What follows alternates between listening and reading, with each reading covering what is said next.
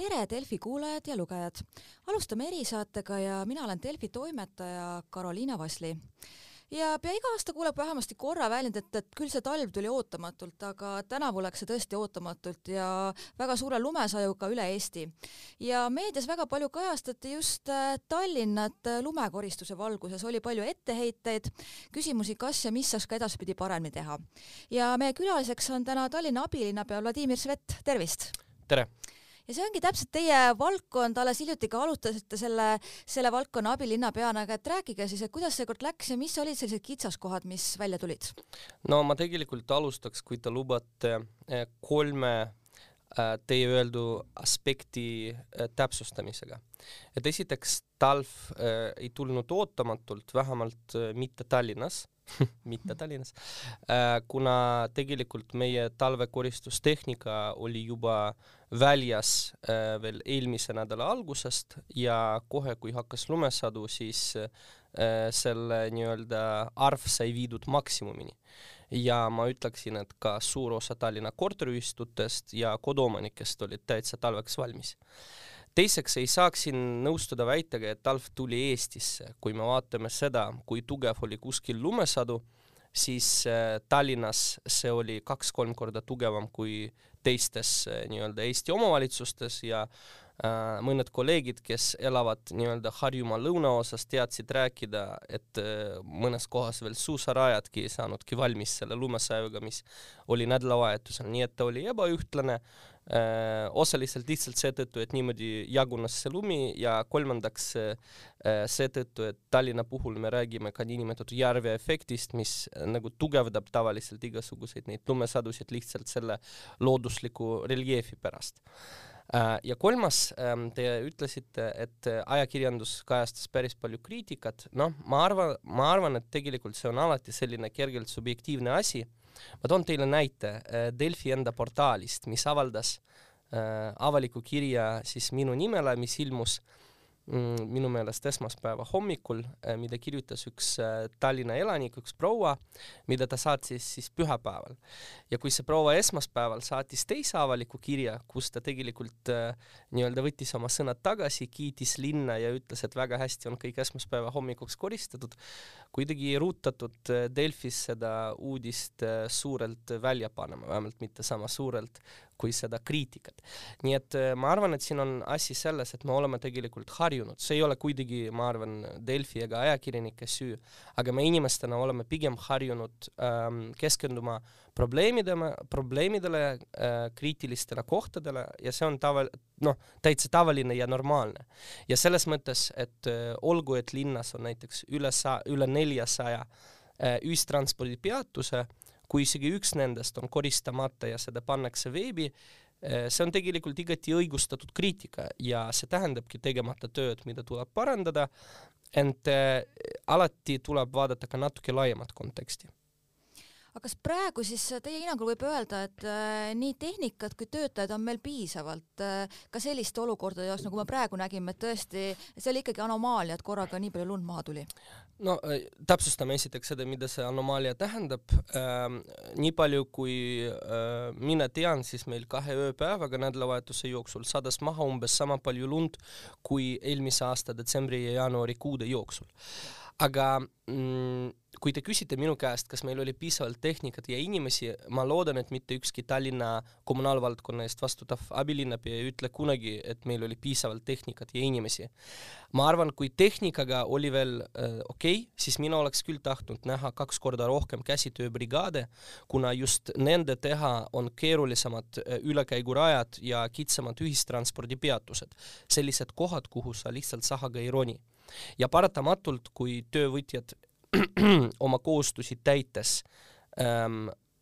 ei suuda mehitada piisavalt palju selliseid käsitööbrigaade, jäävad äh, teatud tööd äh, nii-öelda neil õigeaegselt tegemata ja tulevad selle eest ka leppetrahvid, mis ka tuli. nii et äh, mina, kui rääkida mitte sellest, mida me tahame teha homme, ülehomme või nädala jooksul, aga süsteemselt, me peame suurendama tegelikult äh, just käsitööjõu äh, mahtu kogu selles lumekoristuse äh, nii-öelda süsteemis. Äh,, kuna aina rohkem ja rohkem me pöörame tähelepanu just sellele, et äh, ka jalakäija, mitte ka, vaid eeskätt jalakäija jaoks oleks linn puhas, selleks aga äh, ei piisa ainult sahkadest, ei piisa ainult traktoritest, ei piisa igasugustest peenetest masinatest, tuleb äh, omada hästi palju tööjõudu, inimesi, kes on valmis minema ja käsitsi seda tööd tegema. noh, neid leida on päris keeruline aga ma saan aru, et see on ikka nagu selline nagu võrgustik, et see ei ole nüüd nii, et linn otse kedagi palkab, vaid ongi sellised alltöövõtjad, vahe ja see ja see teeb ka ilmselt selle süsteemi natukene keerukamaks, et vastab tõele, kuigi, kuigi tegelikult Tallinna puhul, eriti nüüd sellel talvel äh, meil on olemas nüüd väike oma äh, hooldusüksus, kui niimoodi saab öelda, lumekoristuse eriüksus äh,, kus on kuus masinat ja kokku siis viisteist äh, inimest, kes töötavad nende masinatega. Ehk umbes kaks ja pool vahetust, et need masinad saavad töötada peaaegu ööpäevaringselt. Äh, kuigi, aga noh, õige vastus on jah, tegelikult saja viiekümnest äh, tehnikaühikust ainult kuus on nii-öelda linna enda otseses alluvuses ja ülejäänud on läbi lepingupartnerite ja sa ei helista seal nii-öelda sahamehele ja ütle, et kuule, käivad see tänav veel kord läbi, sa helistad sellele objekti juhile või ma ei tea, tööde juhile või kellele iganes vahetuse vanemale või, või firma tegevjuhile ja suhtled temaga. muidugi see vahendamine muudab meie jaoks olukorra manageerimist no mitte nii otseseks ja vahetuks, aga noh, Eestis on praegu selline süsteem aga kuidas siis ikkagi sellega tööjõupuudusega on, et olete ka varem intervjuudes maininud, et tegelikult võib-olla peaks seal ka teatud tehnika haldajatele nagu neid nõudeid võib-olla leevendama, et oleks kergem leida tööjõudu? Ja on olemas ka üks teine aspekt, mis tööjõudu puudutab, on seotud sellega, et keda me üldse tohime selle traktori rooli lasta. no traktori rooli, okei okay,, me võime lasta inimest, kellel on B-kategooria, aga lasta seaduse järgi tal teha igasugused koristustööd, olgu selleks lume sahkamine või graniitkillustiku puistamine või lume ladustamine, need on sellised peamised tegevused, mida tehakse nende multifunktsionaalsete traktoritega, tal peab olema D-kategooria Äh, nüüd äh, me kõik saame aru, et äh, igasuguse kategooria omamine on nii-öelda lisakulu ettevõttele või siis inimesele. selliste inimeste leidmine eeldab neile kõrgema palga maksmist ja olukorras, kus meil on niigi Eestis olemas päris tugev palgasurve, on keeruline, tunnistavad seda kõik ettevõtjad, neid inimesi leida ja tegelikult meie enda kogemus, meie enda sellesama hooldusüksusega tõestab seda väidet. on väga keeruline leida äh, sellise umbes keskmise palgaga inimest, kellel oleks veel D-kategooria, kes oleks valmis kell, ma ei tea, üks öösel oma vahetusse välja tulema aga kui minna ka edasi natuke teise aspekti peale, mida tegelikult äh, varasemalt, kui sotsiaaldemokraadid ei olnud veel linnatüüri juures, nemad muudkui rääkisid, et linn võtku ikka ka kõik äh, kortermajad, äh, tavaliste elumajad ja kõik need lähedased kõnniteed ka enda hallata, et nüüd ajab Isamaa, olles opositsioonis seda rida, et kuidas sellega siis on, et miks Tallinn ei võta kogu, kogu linnasüsteemi kõiki neid kõnniteid enda hallata ja puhastada? Ei no võtaks küll, ma arvan, me suudaksime seda süsteemi üles ehitada paari aastaga, aga äh, mitte keegi äh, meie kolleegidest, ei meie koalitsioonipartnerid ega ka meie opositsioonipartnerid, julgeks ma öelda äh,, ei ole siiamaani suutnud tuvastada, kust siis võtta need miljonid selleks, et seda asja kinni maksta. mul endal just oli kogemus nüüd paar nädalat tagasi, kui juhtusin olema siis enne abilinnapeaks asumist niimoodi vahepealsel perioodil kaks nädalat linnavolikogu liige, sa, sain kuulata Isamaa endise linnapea kandidaadi Urmas Reinsalu esinemist, kus ta siis suurejooneliselt kirjeldas linnavolikogu puldist, mida oleks vaja Tallinnas teha ja mida tema teeks. ja seal ta mainis ka seda, et võtame koduomanikelt seda kohustuse nii-öelda linna eelarvele kanda, ehk siis linna maksumaksjatele kanda. ja kui ma küsisin härra Reinsalu käest, aga mida ta siis jätaks selle raha eest tegemata, ehk kust ta seda raha võtaks kahjuks äh, lugupeetud opositsioonipartner ei suutnud vastata sellele küsimusele ja tegelikult keegi ei suuda. sest on lihtne öelda, et me ühekordselt võtame, ma ei tea, mõned miljonid ja investeerime neid, see on isegi nagu alati tehtavam. aga kui sulle öeldakse, et sa pead igal aastal arvestama umbes, ma ei tea, kahekümne miljoniga selleks, et seda, seda asja ära teha, siis siin tegelikult ratsionaalsed argumendid kaovad. mul on tegelikult oma nägemus sellele, kuidas võiks sellele küsimusele läheneda. mina arvan, et me peame suhtuma lumesse samamoodi kui prügisse, ärge nüüd pahandage, äh, et, et, et see võib tunduda kuidagi kohatu selline võrdlus, aga kui me vaatame selle peale, kuidas meil on korraldatud äh, prügi äh, käitlemine, see on korraldatud niimoodi, et kohalik omavalitsus viib läbi kas üle terve linna või valla või erinevates valla või linna osades, linna piirkondades hanked, millega leitakse siis erafirmadest partnerid, kellega peavad kõik selle piirkonna Äh, kinnistute omanikud sõlmima lepinguid prügi äraviimiseks. tegelikult täpselt samamoodi võiks see asi töötada ka kõnniteede hooldusega. ehk ähm, kui seadus annaks meile õiguse, me viiksime läbi hanked siis ja jagades linna umbes võrdseks, ma ei tea, kümneks, viieteistkümneks piirkonnaks ja äh, teeks seal avatud hanked, kus kõik ettevõtted saaksid osaleda, ka mitte kõige suuremad ettevõtted. ja äh, see neist, kes võidaks, olekski näiteks äh, ütleme, uue maailma kõnniteede koristu-, koristaja, temaga peaksid kõik kort-, korteriistujad äh, sõlmima siis äh, need koristuslepingud, ka linn peaks sõlmima oma kõnniteede koristamiseks lepingu ja mingite teedeobjektide koristamiseks lepingu. ja siis meil olekski üks partner, kes täiesti vastutab ühe konkreetse piirkonna eest, on väga selge, kuidas talle makstakse, ehk talle maksab nii eraomanik kui ka linn. siis meil oleks tegelikult topelt järelevalve, kuna nii linn oleks huvitatud vaatama, mida tehakse nii-öelda tema lepingupartneri poolt, aga siis ka iga korteriühistu, iga kodanik teaks, et ahah, minu raha läheb vot sellele sahamehele, ma tahan vaadata, kas ta teeb oma tööd korrektselt. ent kõige olulisem on see, et siis meil oleks tagatud ühtlane kõnniteede hooldamise kvaliteet. oleks üks masin, kes tuleb tänavale ja korraga koristab kogu tänavat on teil selle kohta ka infot või mingit eeltööd tehtud, et kui teostatav see üldse oleks ja et ka näiteks hanke puhul, et kui palju oleks huvilisi ja kuidas see hinnatase nagu kujuda, kujuneda võiks? no ausalt öeldes mina hakkasin sellest rääkima möödunud nüüd pühapäeval ja äh, alles palusin tegelikult eile kolleege Keskkonna-Kommunaalametist hakata nagu tegema oma rehkendusi, et kuidas nemad arvavad, kui reaalne see oleks, sest ma rõhutan, tegemist on minu isikliku äh, seisukohaga, minu isikliku arvamusega, mida ma ei ole veel ka linnavalitsuse ette toonud. Äh, ent ähm, isegi kui see ei ole nüüd ideaalne süsteem, ma arvan, me peame hakkama rääkima tõesti sellest, kuidas kogu seda äh, tänavahoolduse süsteemi muuta paremaks, muuta jalakäija ja ratturisõbralikumaks, aga me ei saa sellest rääkida äh, mainides ainult kohustusi ja unustades seda, kuidas nende eest makstakse. sest me peame aru saama, et iga äh, sahk, mis sõidab meist mööda, iga kojamees, kes töötab, äh, nad, seal on mingi palk, seal on mingi raha, keegi ei tee seda tööd tasuta. ja kui me ütleme, et linn tehku, me selle all mõtleme seda, et äh, linnas elavad inimesed maksku seda asja kinni aga küsiski üle, et võib-olla paljud ka kuulajad ei tea, mis see suurusjärk üldse oleks, et ka see Isamaa idee, millele teie sõnul Reinsalul ka ei olnud vastust, et kust see kulukatte võtta, kui palju see maksma läheks siis ühe hooaja peale linnale? no linna keskkonna kommunaalameti eelmise aasta arvutused näitavad, et see maksaks circa niimoodi kakskümmend miljonit. Äh, ja jällegi, ehkki meie opositsioonipartnerid on paar korda äh,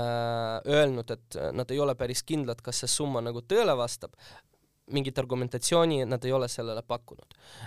kakskümmend miljonit või kümme miljonit, tegemist on ikka väga-väga suure summaga ja milleks peab olema veel valmis tegelikult, äh, mida tihti noh, kiputakse unustama, kui räägitakse sellest, et äh, võtame linna peale mingid täiendavad ülesanded äh,. see kõik eeldab tegelikult äh, manageerimist, hangete korraldamist, järelevalvet äh,, nende hangete juhtimist äh,, mis tähendab ka tõenäoliselt äh, ametnike juurdepalkamist. Olukorras, kus Eestis on aastakümneid pigem kärbitud avaliku sektori ja räägitud sellest, kuidas me peame vähendama selle rolli, noh, ma näen, et see teema, kui jõuda selle realiseerimiseni, igal juhul tekitab vähemalt teatud inimestes paksu verd. Ja küsiks ka veel seda, et vaatasin siin juba natukene ka ette, mis meil ilmarindel tulemas on, et siin nädalavahetusel lubatakse kui nii lund, lörtsi, vihma ja meenub ka, et siin mõnel aastal on probleeme olnud väga libedate teedega, et te olete natuke sihuke libedustõrrega ka ennast kurssi viinud, et kuidas vajadustel nendes olukordades, et et jalakäijad oma luid ära ei mureks no tegelikult äh, on õige hetk sellest rääkida, et kui keegi praegu arvab, et lumi on meie probleem, siis lumi on tegelikult täitsa lahendatav küsimus. meid ootab tõenäoliselt jää, sest äh, varsti temperatuurid langevad või langevad, tõusevad äh, umbes nullini